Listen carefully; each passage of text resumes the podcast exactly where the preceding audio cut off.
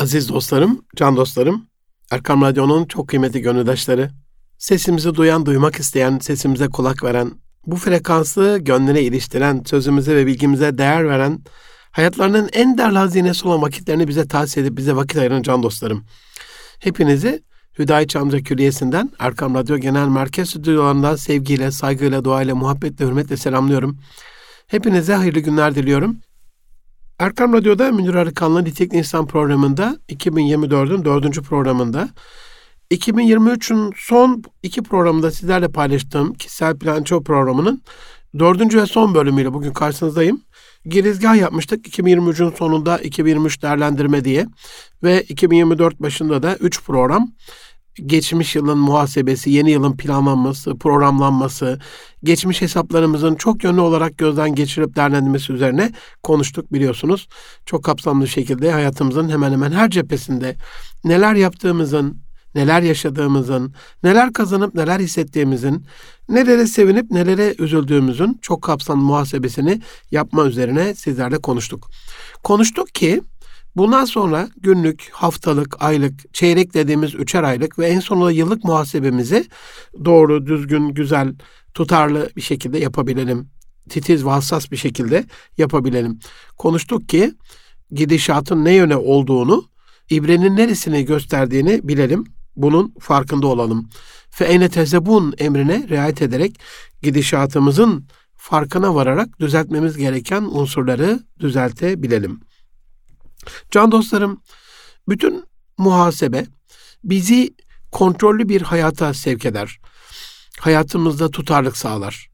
Bizi diğerlerinden ayırır, farklılaştırır, farkındalığımızı artırır ve bu anlamda da markalaştırır. Bu açıdan biz bütünsel manada bir muhasebe yaparken güvenirlik ve tutum çok önemlidir. Tutumumuzun tutarlı olması. Hani ne dedim? Günlük, haftalık, aylık, çeyreklik ve en sonunda yıllık. Yani bir ajanda yönetim sistemiyle günlük gelir gideri nasıl ki bir bakkal e, esnafımız bile yapmazsa sonra zarara girer, zora girer, darda kalır. Aynen biz de eğer günlük e, ajanda yöntemiyle günlük gidişatla alakalı yaptıklarımızı, ettiklerimizi, hatta şu anda böyle çok modern yazılımlar, apps'ler çıkmış durumda. Okuduğunuz kitaplarla ilgili, yaptığınız ibadetlerle ilgili, yaptığınız hayır senatlarla ilgili. Hatta bir arkadaşım inşallah burada konuk etme imkanı olur şu anda sürprizi kaçmasın. E, deneme sürümünü yapıyor. Bir apps geliştirmiş. Yani neredeyse tamamen İslam'ın istediği şekliyle çevreye karşı duyarlılıktan tutun da şirkete karşı, arkadaşlarınıza karşı, dünyaya karşı, ülkenize karşı yapmanız gereken hani karbon ayak izini azaltmayla, hayvanlara, bitkilere korumayla, e, dünyaya katkı sunmakla alakalı. Mesela yerden bir pet şişeyi alıp çöpe attığınızın resmini çekip apps'e yüklediğinizde bir puan kazandırıyor size ve gidişatın nerede olduğunu. Yani modern apps'lerle artık bu muhasebenin anlık olanı bile tutulabiliyor. Dolayısıyla bu tarz günlük kayıtlarla siz hem çevrenize karşı bir güven kazanırsınız hem de e, bu güven size tutarlık kazandırır. Bu da markanızın oluşturulmasında kritik öneme sahip bir önemli bir asli unsurdur. İşinizde veya profesyonel ilişkilerinizde bu anlamda çok tutarlı olmanızı da sağlar. Aziz dostlarım, kişisel muhasebe tıpkı kurumsal muhasebeler gibi hani kurumsal muhasebeler nasıl kurumları daha başarılı kılıyorsa, onları sevilen bir marka haline getiriyorsa, kişiselde de bizi markalaştırır ve çevremiz tarafından sevilen bir kişi olmamızı sağlar. Neden? Çünkü bu muhasebe eninde sonunda nihayetinde bize bir güven kazandıracaktır ve bizim tutumlarımızın, tutarlı tavırlarımızın düzgün olmasını, güvenilir olmasını sağlayacaktır. Ee, biz sevilirken ve bize güvenilirken bu arada en güvendiğimiz kişinin kim olduğunu düşünmek de epey işimize yarayacaktır. Çünkü güven malumunuz olduğu üzere karşılıklıdır aziz dostlarım. İçinizde kendinize güveniniz, dışarıya olan güveninizi de desteklediğine göre size güvenenler de sizin güvendiğiniz kişileri artıracaktır. Size bu hayatta en çok güvenen kişi kim acaba? Yani bunu böyle bir bir dönemin başında ya da bir yılın sonunda özel bir sayfa ayırıp yazmaya çalıştığınızda hani yılın kişisi Kazanabildik mi acaba? İnsan koleksiyonumuza yeni birini ekleyebildik mi? Ya da eski koleksiyonumuzda bize güvenen kişilerin güvenini Allah korusun suistimal ettik mi? Bilmiyorum kolaylıkla yazabildiniz mi böyle ben en çok buna güveniyorum. Ee, ya da bana en çok şu güvenir. İki türlü de karşılıklı yani. Sizin güvendiğiniz, en çok güvendiğiniz kişi ve size en çok güvenen kişi. Bu bizim marka özelliğimiz biliyorsunuz. Yani Müslüman güvenilir kişidir. Son yıllarda hesapsız, kitapsız, akıl almaz sorumluluklarımızla epey bir mahvetmiş durumdayız bu güven endeksimizi. Bu sebeple de maalesef sizleri tenzih ederim, nefsime söylüyorum. Müslüman deyince akla böyle kaba saba, güvenilmez bir portre geliyor. İlk siyulet oluşurken böyle. Ticarette böyle, iş yerinde böyle, alışverişte böyle, sporda, kültürde, sanatta hala Allah muhafaza dini eğitimlerde bile böyle. Yani yurdu karış karış 800 aşkın ilçede emeği olan, alın teri olan, sözü olan, sesi olan, iz bırakan bir kardeşinizim. Yani tenzih ederim tabii kurumlarımızı ama keşke din eğitimi böyle olmasa. Keşke yabancılar verdikleri din eğitim usulüyle ve formatıyla içerik amenna Allah'ın razı olduğu, Allah'ın tesis ettiği, onun Hak Resulü Muhammed Mustafa sallallahu aleyhi ve sellem tarafından bize intikal ettirdiği, Cibril Emin'in güvenilir o elçinin emanetiyle bize ulaştırdığı İslam. Bundan eminiz, bundan razıyız, buna güveniyoruz, buna teslim olmuş durumdayız. Ama uygulayıcılar, biz uygulayıcılarda bir problem var aziz dostlarım. İşin hakkını bir hakkın veren, hakkını veren Müslüman ara ki bulabilesin. İşte bu imaj bozulmasını düzeltip kişisel markamızı, algı ve itibarımızı güzelleştirmek için de bu kişisel muhasebeye ihtiyacımız var. Çok saygı duyduğum bir hocam, kurumsal bir danışman, yönetim danışmanı, şirketler için başarı her an satılabilir olmaktır demişti. Yani bir şirket her an satılabilirse, bir talibi çıktığında, bir fon şirketi ortaya çıktığında, yeniden bir bağımsız denetimden geçip hesapları, kitapları ayarlayıp muhasebecisiyle, emri mali müşaviriyle böyle acayip bir çalışmanın telaşın içine girip aylar süren analizlerden sonra o da tam tutarlı olmayacak bir şekilde durumu aşağı yukarı yaklaşık olarak ortaya koymak yerine an itibariyle tuşa bastığınızda çıkan hesap en net hesaptır. Benim durumum budur diyebiliyorsa işte bu başarı demişti yani. Yani satılabilir bir şeffaflık ve hesap verilebilirlik, hesap verilebilir bir güven içerisinde olmak. Bu tüm hesaplara vakıf olmanızı da getiriyor. Tüm hesaplara hakim olmanızı. Her şeyin an itibariyle kayıt altında olması hali. İşte biz bunu kişisele uygulayabildiğimizde, uyarlayabildiğimizde Allah'ın bizimle canlarımız ve mallarımız karşılığında yaptığı ticarette kendimizi cennet karşılığı satabilmiş oluyoruz.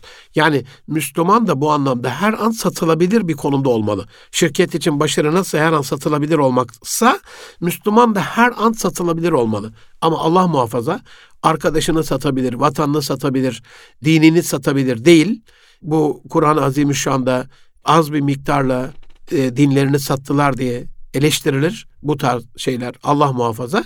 Hani dinlerini satabilir değil, cennet karşılığı mallarını ve canlarını satabilir, Allah'la ticaret edebilir anlamda söylüyorum. Yani Müslüman gerçekten her an cennet karşılığı satılabilir bir konumda olmalı Allah'ın karşısında, Rabbinin karşısında. Bunun için de takdir ederseniz ki aziz dostlarım, ne kazanıp ne kaybettiğinin bilincinde olmakla elbette kati bir şarttır, ilk şarttır. Eğer İslam güzel ahlak ise, bir kişisel marka olup sevilen, beğenilen ve en önemlisi güvenilen bir insan olacaksak, mottomuz, amacımız bu ise bunun bir yerlerde kullanımı da şarttır. Yani insanlara dokunacak bir faydamız olmaklığı da gerekir aziz dostlarım. Bunun için İslam'da inziva ve ruhbanlık yoktur. Sosyallik ve toplum ile kaynaşma vardır. Takımdaşlık vardır, iletişim vardır, bağ vardır, bağlantısallık vardır, entegrasyon vardır. Tek başına bir müzevilik yoktur. Bu anlamda lütfen bir ağ oluşturun, işbirlikleri yapın. İlgili sektörlerde, alanlarda işbirlikleri yapın, ağınızı geliştirin. Network diyorlar buna şimdi. Yani kask alanında benim kişisel, ailevi, sosyal ve kurumsal dediğim kask alanında iş dünyasındaki fırsatları değerlendirirken sadece belli sektörler, belli şirketler, belli bölgeler değil, imkansız demeyerek niyetinize almak, tanışmak istediğiniz dört kişi yazmak. Hani ne dedik? İnsan koleksiyonculuğudur hayat. Dua ederek network'ünüzü, sosyal sermayenizi beslemek e, ve artırmak herhalde önemli bir kazanım olacak.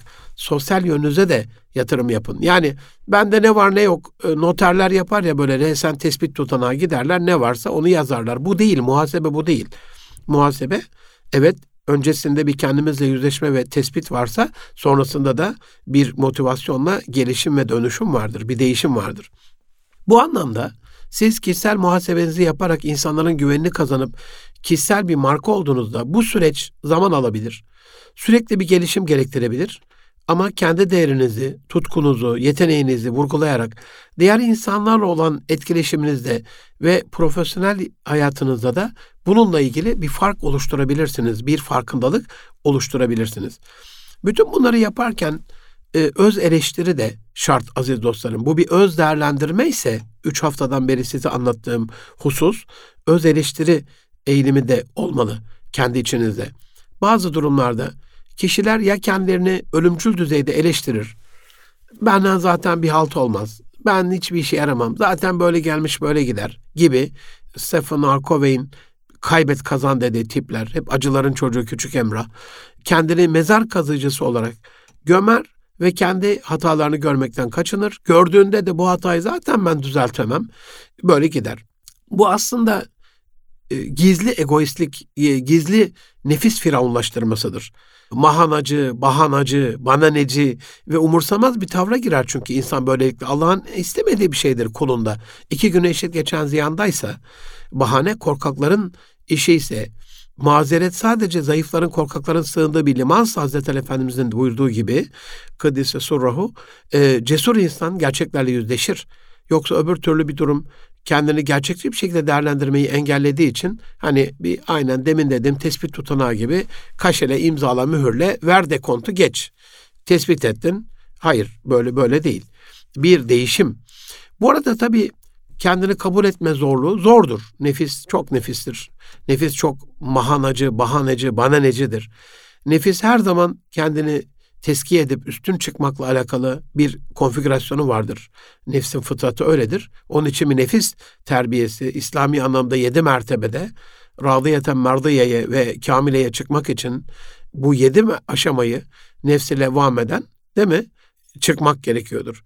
Nefsi emmare hele hele terk edip en azından yani emreden nefisten onu yap, bunu yap, şunu yap falan hep kötülüğe çağıran nefisten kurtulup kendini lehmeden ya yaptıktan sonra keşke yapmasaydım diye tevbe eden e, bir aşama da bir kazançtır en azından. Ama tabii ki yedinci mertebeye kamil bir nefse ulaşmak radiyata merdiyeden sonra ideal yapımızdır bizim.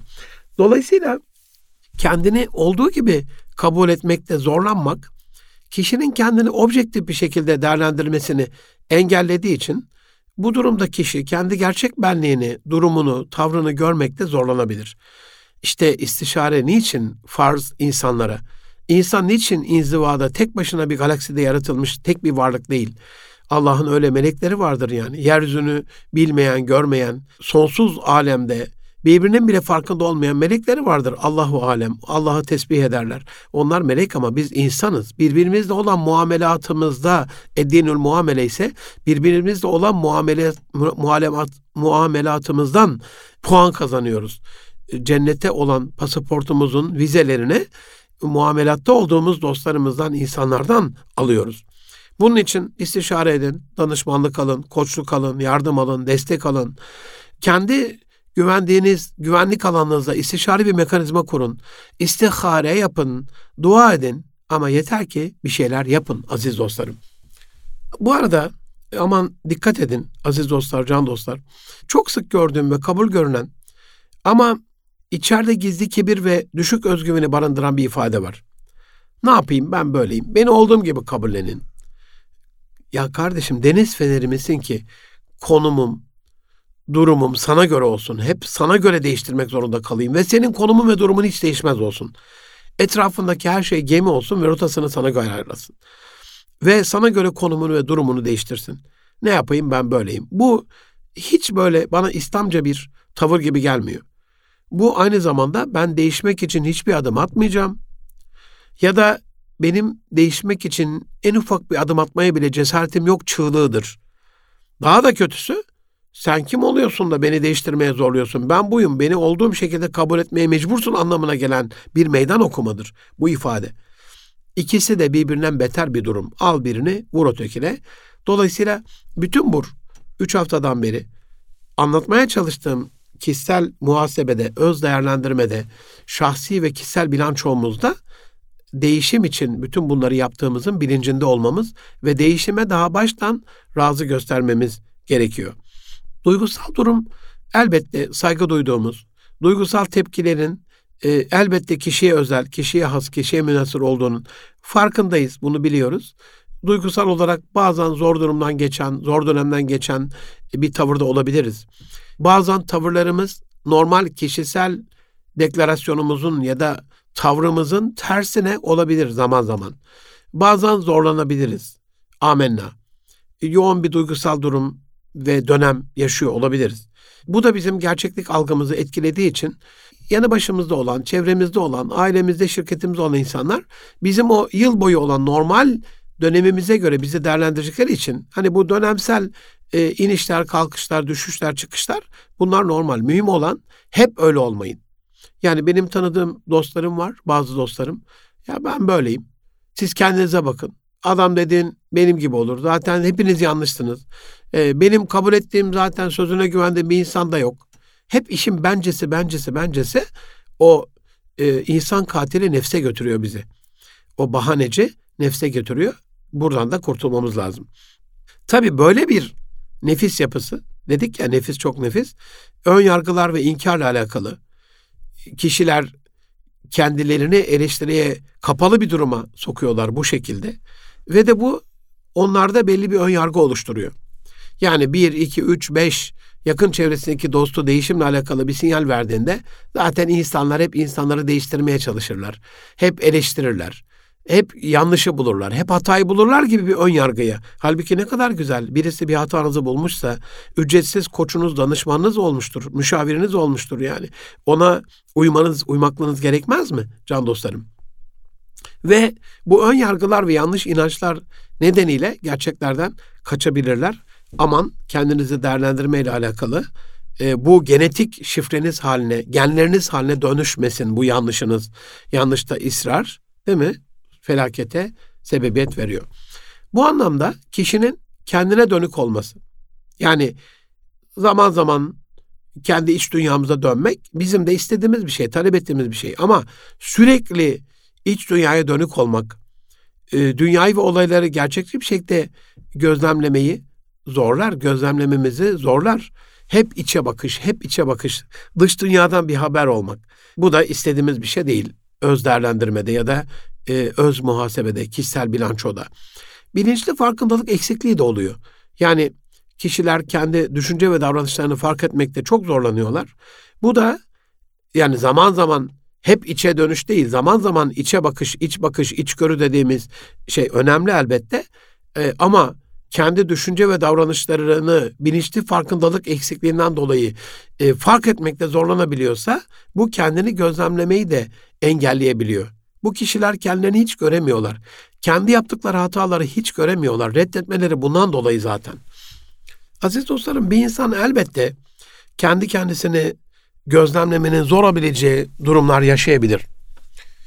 Ancak bu konuda bir farkındalık geliştirmek ve objektif bakış açısıyla kendini değerlendirmek çok önemlidir. Eğer bir kişi kendisini daha iyi gözlemlemekte zorlanıyorsa, bu durumu anlamak ve geliştirmek için profesyonel bir destek almasını tavsiye ediyoruz.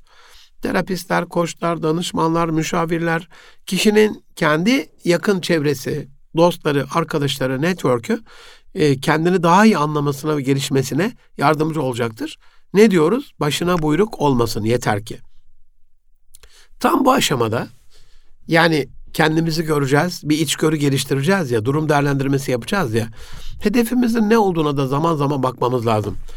Şirketlerde genellikle OKR dediğimiz Objective Key Result tespit edilir her bölüm için, her departman için, e, her takım için hemen hemen ve onların anahtar sonuçlarının objektif olmasıyla alakalı bir tespit yapılır. Bu da onları motive eder malumunuz olduğu üzere. Başka bir programda inşallah detayına değinirim ama burada performansımızı ölçmek adına net hedefler belirlemek, bu hedeflerin SMART kuralı çerçevesince ölçülebilir, erişilebilir, gerçekçi, zamana bağlı e, hedefler olması, gerçekten fark yaratabilir, e, akılcı hedefler olması da bizi o hedefe olan aidiyetimizle alakalı, motivasyonumuzla alakalı çok etkileyecektir. Bir de benim bu tarz muhasebede, bu tarz bilanço, bu tarz örz değerlendirme çabalarında gördüğüm çok önemli unsurlardan bir tanesi değerlendirme kriterleri e, eksikliği ya da bunu belirleyememe. Yani ben performansımı neye göre değerlendirebileceğim? Burada kıyas yoluyla mı değerlendireceğim? Baştan belli ölçütler ve kriterler mi koyacağım? Bu, bu kriterleri başta tespit ederken performansımızı objektif bir şekilde değerlendirmemize yardımcı olacak kriterler. Yani başarı hedefleri, işi tamamlama, bir yere ulaşma, aileden, şirketten, çevreden, e, network'ten bir memnuniyet alma, Allah'ın rızasını kazanma, ibadetlere devam etme, kendimizi daha iyi bir seviyeye getirme gibi net, objektif e, kriterler olması gerekiyor. Yoksa hani genel olarak baktığımızda bir insana sorduğumuz zaman başarılı olmak istiyor musun? İstiyorum. Başarılı mısın? Başarılıyım. Zengin olmak istiyor musun? Elbette istiyorum. Peki zenginin kriterleri kıstası ne kafanda? Yani ka- ne kadarlık bir aylık gelir zenginlik? Cebinde yatırım olarak veya varlıklarında ne kadar bir varlık olması senin alemde bir zenginlik? Öbür türlü net tanım olmadığı zaman başarılıyız işte. Ben çok başarılıyım. Yani her insan kendini öyle görür yani. Hiç kimse kendini başarısız görmez ki. Cebinde 100 lira 200 lira olan bir insanda eninde sonunda bütün imkanlar denedikten sonra bir şey olmuyorsa ya senin gönlün zengin diye bir bahane bulabilir buna. Yani beyin bu tarz genel ifadelerden anlamıyor aziz dostlarım. Bizi motive etmesi, hedefe adım adım yaklaştırması ve bizi ilerletmesi için net beynin anladığı, beyince konuşan kriterlere ihtiyacımız var. Ve bu anlamda ilerleten bildirimler almak, geri bildirim diyorlar ama ben ilerleten bildirimi çok seviyorum. Sürekli olarak geri bildirim almak, iş arkadaşlarımızdan, ailemizden, dostlarımızdan, çevremizden, akil dane hocalarımızdan, üstadlarımızdan düzenli olarak bizi ilerleten bildirimler almak, bizi bir değerlendirmeni istemek. En azından yılda bir kere ben bunu yakın çevremden hani nasıl bir Münir Arıkan gördünüz? Nasıl daha iyi olabilir? Sizce yanlışları neler gibi? Yani koçluğunu yaptığım kişilerle ilgili de zaman zaman bunu alıyorum. İnanın beni çok ilerletiyor. Çünkü insan gerçekten yaptığı anda ya egoist, bahaneci, e, bencil nefsinden dolayı kapatıyor hemen, setrediyor, gizliyor. Nefis göstermiyor. Körlük oluşuyor. Ya da bile bile lades oluyor. Ya ne olacak bu kadar kul kusursuz olmaz diye böyle ilerliyor. İkisi de kişinin ölümü. Onun için e, iyileştirme gerekiyorsa, ilerleme gerekiyorsa, e, dünden daha iyi olmaklığımız bize emredilmişse bu ilerleten bildirimlerle daha iyi ilerlememiz gerekiyor. Tabii programın başında size arz ettiğim can dostlarım, günlük, haftalık, e, aylık, çeyreklik ve yıllık muhasebede eğer biz kişisel bilanço usulüne göre gideceksek, kendimizi değerlendireceksek ne olursunuz küçük yaştan itibaren ajanda kullanımını ailenizde, şirketlerde bütün çalışanlarınızda yani kişinin yanında bir kalemi bir kağıdı olacak yani. Neden? Ya bir şey duyacağız. Sevdiğimiz bir cümle duyacağız. Tüfek icat oldu, mertlik bozuldu hocam. Şimdi dijital var diyeceksiniz. Amenna ama bence kıyamet kopana kadar kalemle yazmanın zevki e, başka olacak yani. Ve etkisi de başka olacak. Allemel insane ma lem ya'lem ellezî alleme bil kalem. Yani nun vel kalemi ve, ve ma yesturun. Yani kaleme yemin edilmişse, bilmeklik kalemle sağlanmışsa, her şeyden evvel kalem yaratılmışsa, insan eline o kalemi alacak. Dolayısıyla kendimizi değerlendirirken, kendi ilerlememizi izlerken, o başta belirlediğimiz hedeflere ne kadar yaklaştığımızı izlemek böyle elimiz arkada kahya gibi uzaktan kuş bakışıyla bakmak falan değil. Ne kadar başarılı olduğumuzu değerlendirirken belli kriterlerle bunu e, kaleme kağıda dökmek, yazmak ve her ilerlemeyi küçük notlarla, hatta renkli kalemlerle mümkünse, hatta mümkünse görsel not alabiliyorsanız küçük ikonlarla, şemalarla, çiz, çizimlerle grafik haline de dönüştürebiliyorsanız beyin bunu çok daha iyi algılıyor. Ne dedik? İşin beyincesini bilmek lazım. Bunu yapınca insanın kendi performansını değerlendirmesiyle alakalı o başta belirlediğiniz kriterlere dayanarak belli aralıklarla değerlendirdiğiniz performansınızın sizi nereye getirdiğiyle alakalı bir ara değerlendirme de şart. Yani siz artık dünkü kişi değilsiniz. Bugünkü kişi ağırbaşlılığıyla, vakarıyla, cesaretiyle, bilgeliğiyle, kemalatıyla artık o dünkü davranışlardan da kendini koruması gerekiyor. Dolayısıyla bir statü değişikliği, bir durum değişikliği, bir davranış değişikliği. Genellikle bu hani çok eleştirilir. Çevre değişikliği, arkadaş değişikliği, böyle biraz daha burjuva olmakla alakalı. Hatta mücahitlikten müteahhitliğe diye zaman zaman böyle eleştirilen arkadaşlarımız olur. Bu anlamda bir değişimi bahsetmiyorum ben. Ama düzenli aralıklarla kendimizi değerlendirdiğimizde artık biz o nefis tabakasında da hani leseri emmareden levameye geldik, mülhemeye devam ediyorsak böyle kendimizin gelişimini görüyorsak artık bulunduğumuz statüde kılık kıyafetimizle, nezaketimizle, üslubumuzla, konuşmamızla, hal ve hareketimizle hatta o gelişme aşamasında mümkün olduğu kadar ibadetlerimizde bile artık eski ibadetlerle yetinmememiz lazım. İbadete de bir takviye lazım ki ruhani anlamda da biz gelişebilelim. Ee, bu anlamda unutmadan söyleyeyim. Yani 2024 geldi. Allah bir yıl daha bize lütfediyor. Allah'ıma barik lena fi Recep ve Şaban ve bellina Ramazan dilimize vird olan bir buçuk ay daha söyleyeceğimiz Ramazan'a kadar bu Allah Resulü'nün tavsiyesi olan dua madem ki bizi bu üç aylara ulaştırdı Recep-i Şerif'i bize idrak ettiriyor Rabbim. Hani bunun şükründe olmakla ilgili. Madem iki günü eşit geçen ziyandaysa herhalde iki günü, iki yılı eşit geçen de ziyanda olacak. Rabbim sevinir diye düşünüyorum. Bilmiyorum. Allahu alem. Onun adına kim konuşabilir? Ama ibadetlerimizde de böyle bir küçük bir artış, minnacık bir artış çok farklı olur diye düşünüyorum. Yani en minimumunu söylüyorum aziz dostlarım. Yapamıyorsanız hani normalde tesbihatta Subhanallah, Elhamdülillah, Allahu Ekber 33'er defa yapılır ya. Yani bunu her Müslüman 33 defa yapıyor. Ben en azından 34 yapayım, 35 yapayım, 40 yapayım gibi. Yani buna niyetlendiğinizde iki rekat daha fazla bir şey kıldığınızda, secdede bir dua daha eklediğinizde, hani üç defa e, Subhane Rabbiyel Ala değil, e, Subhun Kutusun tarzı e, veya e, Allah'tan münacatta bulunduğunuz bir duanızı eklediğinizde Allah Resulü'nün tavsiye dualarının e, rükuda ve secdede olan bilmiyorum. Diğer Müslümanların önünde hani bir yarıştayız ya. O yarışta biraz önde olmakla alakalı minnacık minnacık Evet kişisel bilanço, evet başarıyla alakalı kıssaslar ama en büyük başarı cennete girmekse ibadetlerimizde de bir farklılık, bir güzellik, bir artış Rabbimizin hoşuna gidecektir diye düşünüyorum. Aziz dostlarım, bendeniz Münir Arıkan. Erkam Radyo'da Nitelik İnsan programında kişisel bilanço anlatmaya devam edeceğim. Kısa bir ara veriyorum. Az sonra yeniden görüşmek üzere efendim. Buluşma noktamız Erkam Radyo. Aziz dostlarım, can dostlarım. Yeniden sizlerle beraberiz. Bendeniz Münir Arıkan, Erkam Radyo'da Nitelik İnsan programında. 2024'ün dördüncü programında kişisel bilanço İnşallah ikinci bölüm bitirmiş olacağız. Dördüncü programın ikinci bölümüyle karşınızdayız.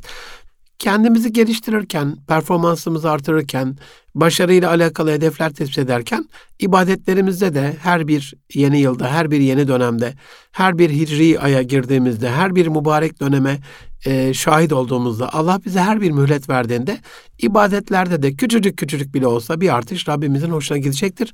Bu da muhasebemizin gelişimle alakalı bir bölümüdür diye bahsetmiştim programın son bölümünde. Şimdi bu muhasebemizin bizi geliştirmeye matuf bir amacı olduğuna göre bir gelişim planı oluşturmamızla alakalı zayıf yönlerimizi tanımlamak, bunları nasıl kurtulabiliriz, e, bunları bunları atabiliriz, güçlü yönlerimizi nasıl geliştirebiliriz gibi bir eylem planı. Bununla alakalı eğitim gerekiyorsa seminer, webinar, koçluk, mentörlük, istişare ne gerekiyorsa bu gereken adımları atmamız gerekiyor. Başkalarının tabii e, gözünden bakarak kendimize değerlendirme cesaretini göstermek kişinin o bencilliğinden, firavunlaşan nefsinden azat olmasını da sağlıyor. Kişisel özgürlüğünü de sağlıyor. Eleştiriyi kabul etme, bunu bir gelişim fırsatı olarak görebilme, eleştirinin bir hediye olarak kabulü. Yani gerçekten söyleyene değil, söyletene baktığımızda zamanı gelmiştir. Hiçbir şey sebepsiz değildir. Her şeyde bir hayır vardır diye baktığımızda o kişisel alınganlıklarda bırakacağız. Ya genellikle ne oluyor? Ya sana ne benim tavrımdan? Yaptık da ne olmuş? Yapmışızsa yapmışız. Benim hesabımı sen vereceksin. Her koyun kendi o konuşuyor da konuşuyor nefis. Hayır arkadaş yani vakti gelmiştir yani. Söyletene bakmamız lazım. Söyleyene değil. Onunla postacıyla uğraşmamamız, kargocuyla uğraşmamamız, didişmememiz lazım. Zarfı açıp mazrufa bakmamız lazım. Bu anlamda kendi performansımızı ölçmek ve değerlendirmek kişisel ve mesleki gelişimimiz için çok önemli bir adımdır. Bu, bu süreç, bu muhasebe süreci güçlü yönlerimizi tanımamıza, gelişim alanlarımızı belirlememize, hedeflerimize ulaşmak için yeni stratejiler geliştirmemize yardımcı olur. Aziz dostlarım, çok önemli bir kelime. Son olarak söylediğim bu strateji en fazla eksikliğini hissettiğimiz şey hem kişisel bilanço ve değerlendirme için hem de değerlendirme sonrası ya da değerleme sonrası vaziyet almak için bir strateji eksikliği yaşamamızdır. Genellikle bizim toplumumuzda strateji kıtlığı görüyorum ben. Halbuki strateji yürünecek yolun ve yaşanan hayatın ne şekilde olacağının planı ve taktiğidir. Hangi yöntemle olacak? Bu çok önemlidir. Evet hacca gitmek istiyoruz, umreye gitmek istiyoruz ama hani karayoluyla mı gideceğiz? Yürüyerek mi gideceğiz? Uçarak mı gideceğiz? Avrupa üzerinden mi gideceğiz? Amerika üzerinden mi gideceğiz? Yoksa direkt Türkiye'den gidebiliyor muyuz? Onun yollarına mı bakacağız? Kura çıkmadıysa başka bir imkanla gitme şekli var mı? Görevli olarak giden dostlarım var. Yani bu strateji işte yani. Bu stratejiyi tespit etmezsek taktik eksikliği oluyor. Strateji belirli hedeflere ulaşmak için uzun vadeli planlar yapmayı ve kaynakları etkin kullanmayı sağlayan bir kavram. Genellikle organizasyonlar, kurumlar ve bireyler için hedeflerin başarılmasına yönelik yol haritalarını belirlemek için kullanılıyor strateji. Strateji, amaçlara ulaşmak için belirli bir yönde hareket etmeyi, kaynakların etkili bir şekilde kullanılmasını ve rekabet avantajı elde etmemizi sağlıyor. Bu kadar önemli bir konu ve toplumumuzda bu kadar kıt, eksik bir konu. Bunu sizin e, insafınıza ve vicdanınıza bırakıyorum can dostlarım. Aziz dostlarım, bu açıdan baktığımızda strateji belirli bir hedefe ulaşmak için belirlenen yolları tanımlayan, usulleri, yöntemleri tanımlayan ve bu hedefe ulaşmak için kaynaklarımızın nasıl kullanılacağını belirleyen bir planlama süreci. İyi bir strateji belirli hedeflere odaklanır, zorlukları hesaba katar, organizasyonun veya bireyin güçlü ve zayıf yönlerini değerlendirerek ona en doğru, en uygun, en optimum dediğimiz münasip yolu belirler. Strateji oluşturmak genellikle işte bir analiz yaparız, bir planlama yaparız, bunu uygulamaya koyarız e, ve sonrasında da bunu değerlendiririz. Ama ben planlama aşamasında, e, mevcut durum analizinin yapılması aşamasında, hani hedefi bir şekilde belirliyoruz ama eksikliklerimiz olduğunu düşünüyorum. İkinci en büyük hatamız da bir strateji eksikliği. Buna planlama için vakit ayırmayışımız.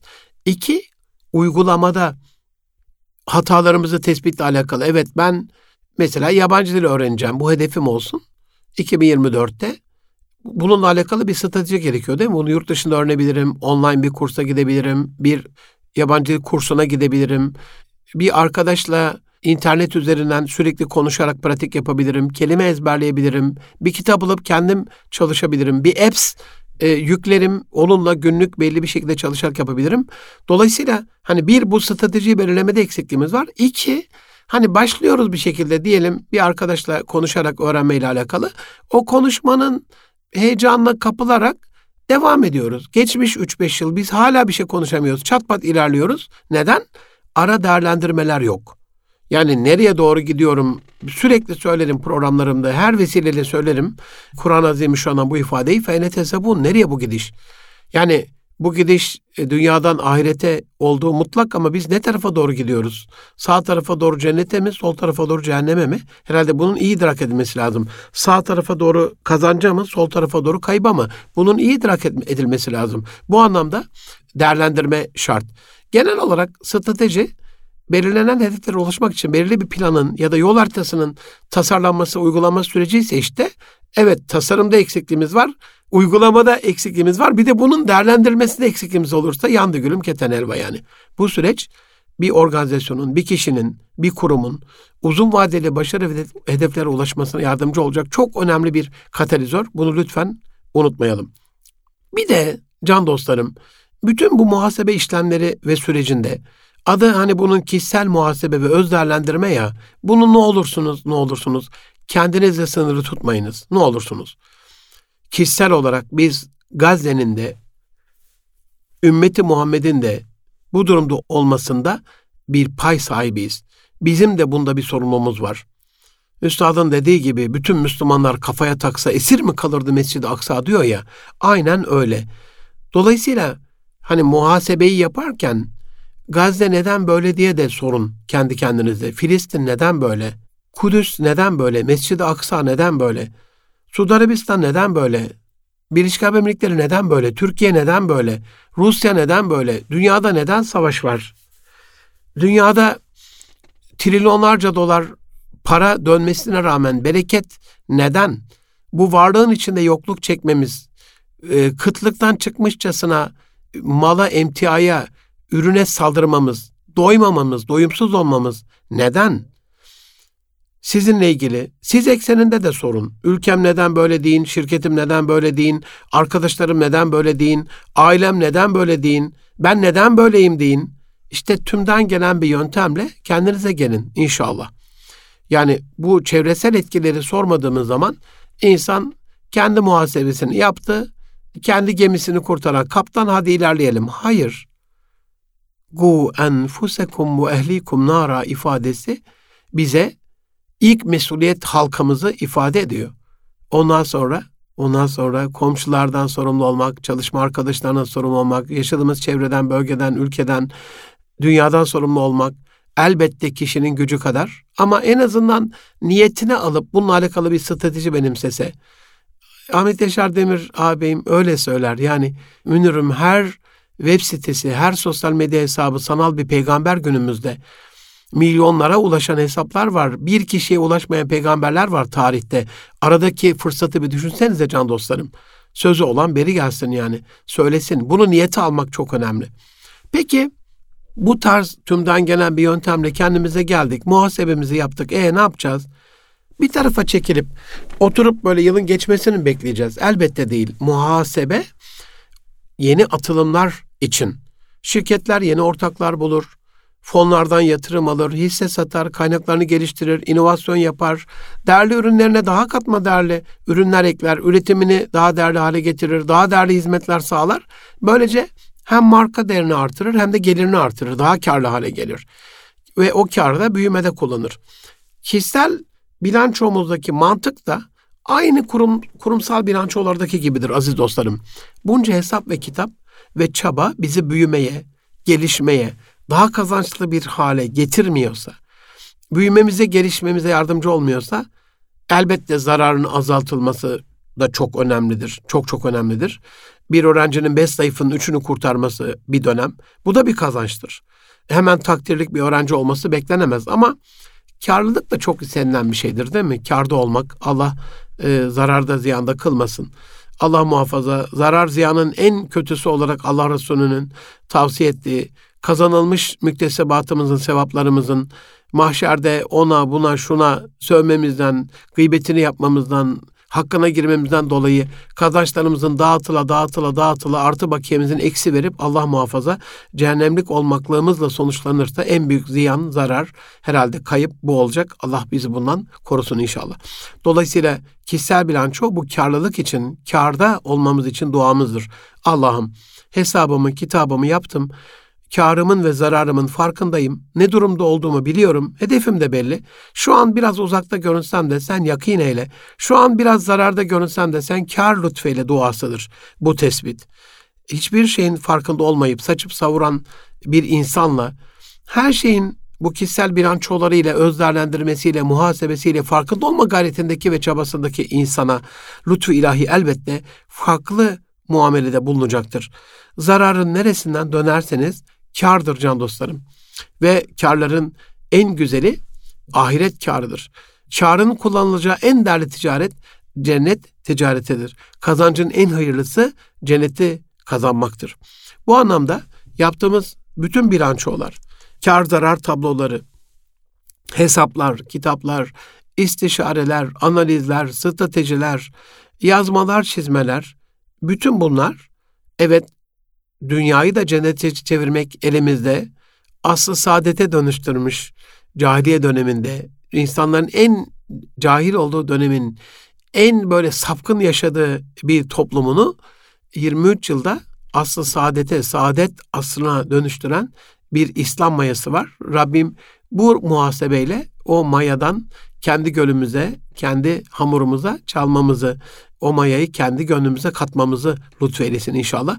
Dolayısıyla zihnimizde programın ara ara belli bölümlerinde size bahsettiğim gibi Müslümanın dünyadaki imajını düşünerek bir hesap yaparken evet kişisel bilanço, evet öz değerlendirme, evet bir nefis muhasebesi ama ne olursunuz bunu e, Müslüman adına da Müslüman adına da yapmayı ihmal etmeyin. Neden bu durumdayız? Neden Allahu Ekber diye bir ifade olduğunda insanların ilk aklına gelen bir kafa kesmek oluyor? Neden Allahu Ekber diye birisi bağırdığında şefkatli bir bakış değil de insanların korkup kaçacağı bir tavır ortaya geliyor? Neden ezanlarımızdan iğreniyorlar? Neden ezanlarımız kulaklarına böyle bir bıtrak gibi batıyor? Neden İslami kurumlarımızdaki usul, edep, adap, yöntem, tavır çocuklarımızı celbetmiyor? Neden kanaat önderlerimizin peşinde bir YouTuber, bir fenomen kadar takipçi yok? Neden hocalarımızın sözü tesirli değil. Neden bu mikrofonlardan konuşan bu cahil kardeşiniz yapmadıkları şeyleri hala söylüyor? Allah'a sığınıyorum. Her zaman söylediğim gibi dualarınızı istiyorum. Kendime de söylüyorum. Kendi eksiklerimin de farkındayım. Yapabildiğim kadar yapma gayretindeyim ama yapamadığım çok vardır. Yapamadıklarımı anlatsam benim e, herhalde yıllar boyu burada sadece onlarla ilgili gün boyu konuşmam lazım. Yapabildiklerimizden, toparlayabildiklerimizden birkaç deste sizinle alakalı bir güzellik derleyip size getiriyoruz. Bu anlamda affımızı istirham ederim. Dolayısıyla muhasebeyi çevresel olarak da yapıp dini mübin İslam'a katkı sağlayacak bir muhasebeyle kurumlarımızın daha kaliteli olmasını, kişilerimizin daha kaliteli olmasını, dolayısıyla Müslümanların daha kaliteli olmasıyla 57 İslam ülkesinin de çok daha kaliteli bir hale gelmesini, Müslüman imajının dünyada çok sevilen, beğenilen bir duruma gelmesini sağlayabiliriz bu yöntemle. Hepinize kişisel bilançolarınızın yüksek karlılık getirdiği bir gelecek diliyorum. Ne olur ipin ucunu kaçırarak hesabı kitabı bilmediğiniz, işin içinden çıkılmayan bir duruma düşmeyiniz. Kendinizi bu duruma düşürmeyiniz. İnşallah karlı bir ömür, kazançlı bir ömür ve güzel bir gelecek diliyorum. Hepinizi Rabbi Celle'ime emanet ediyorum.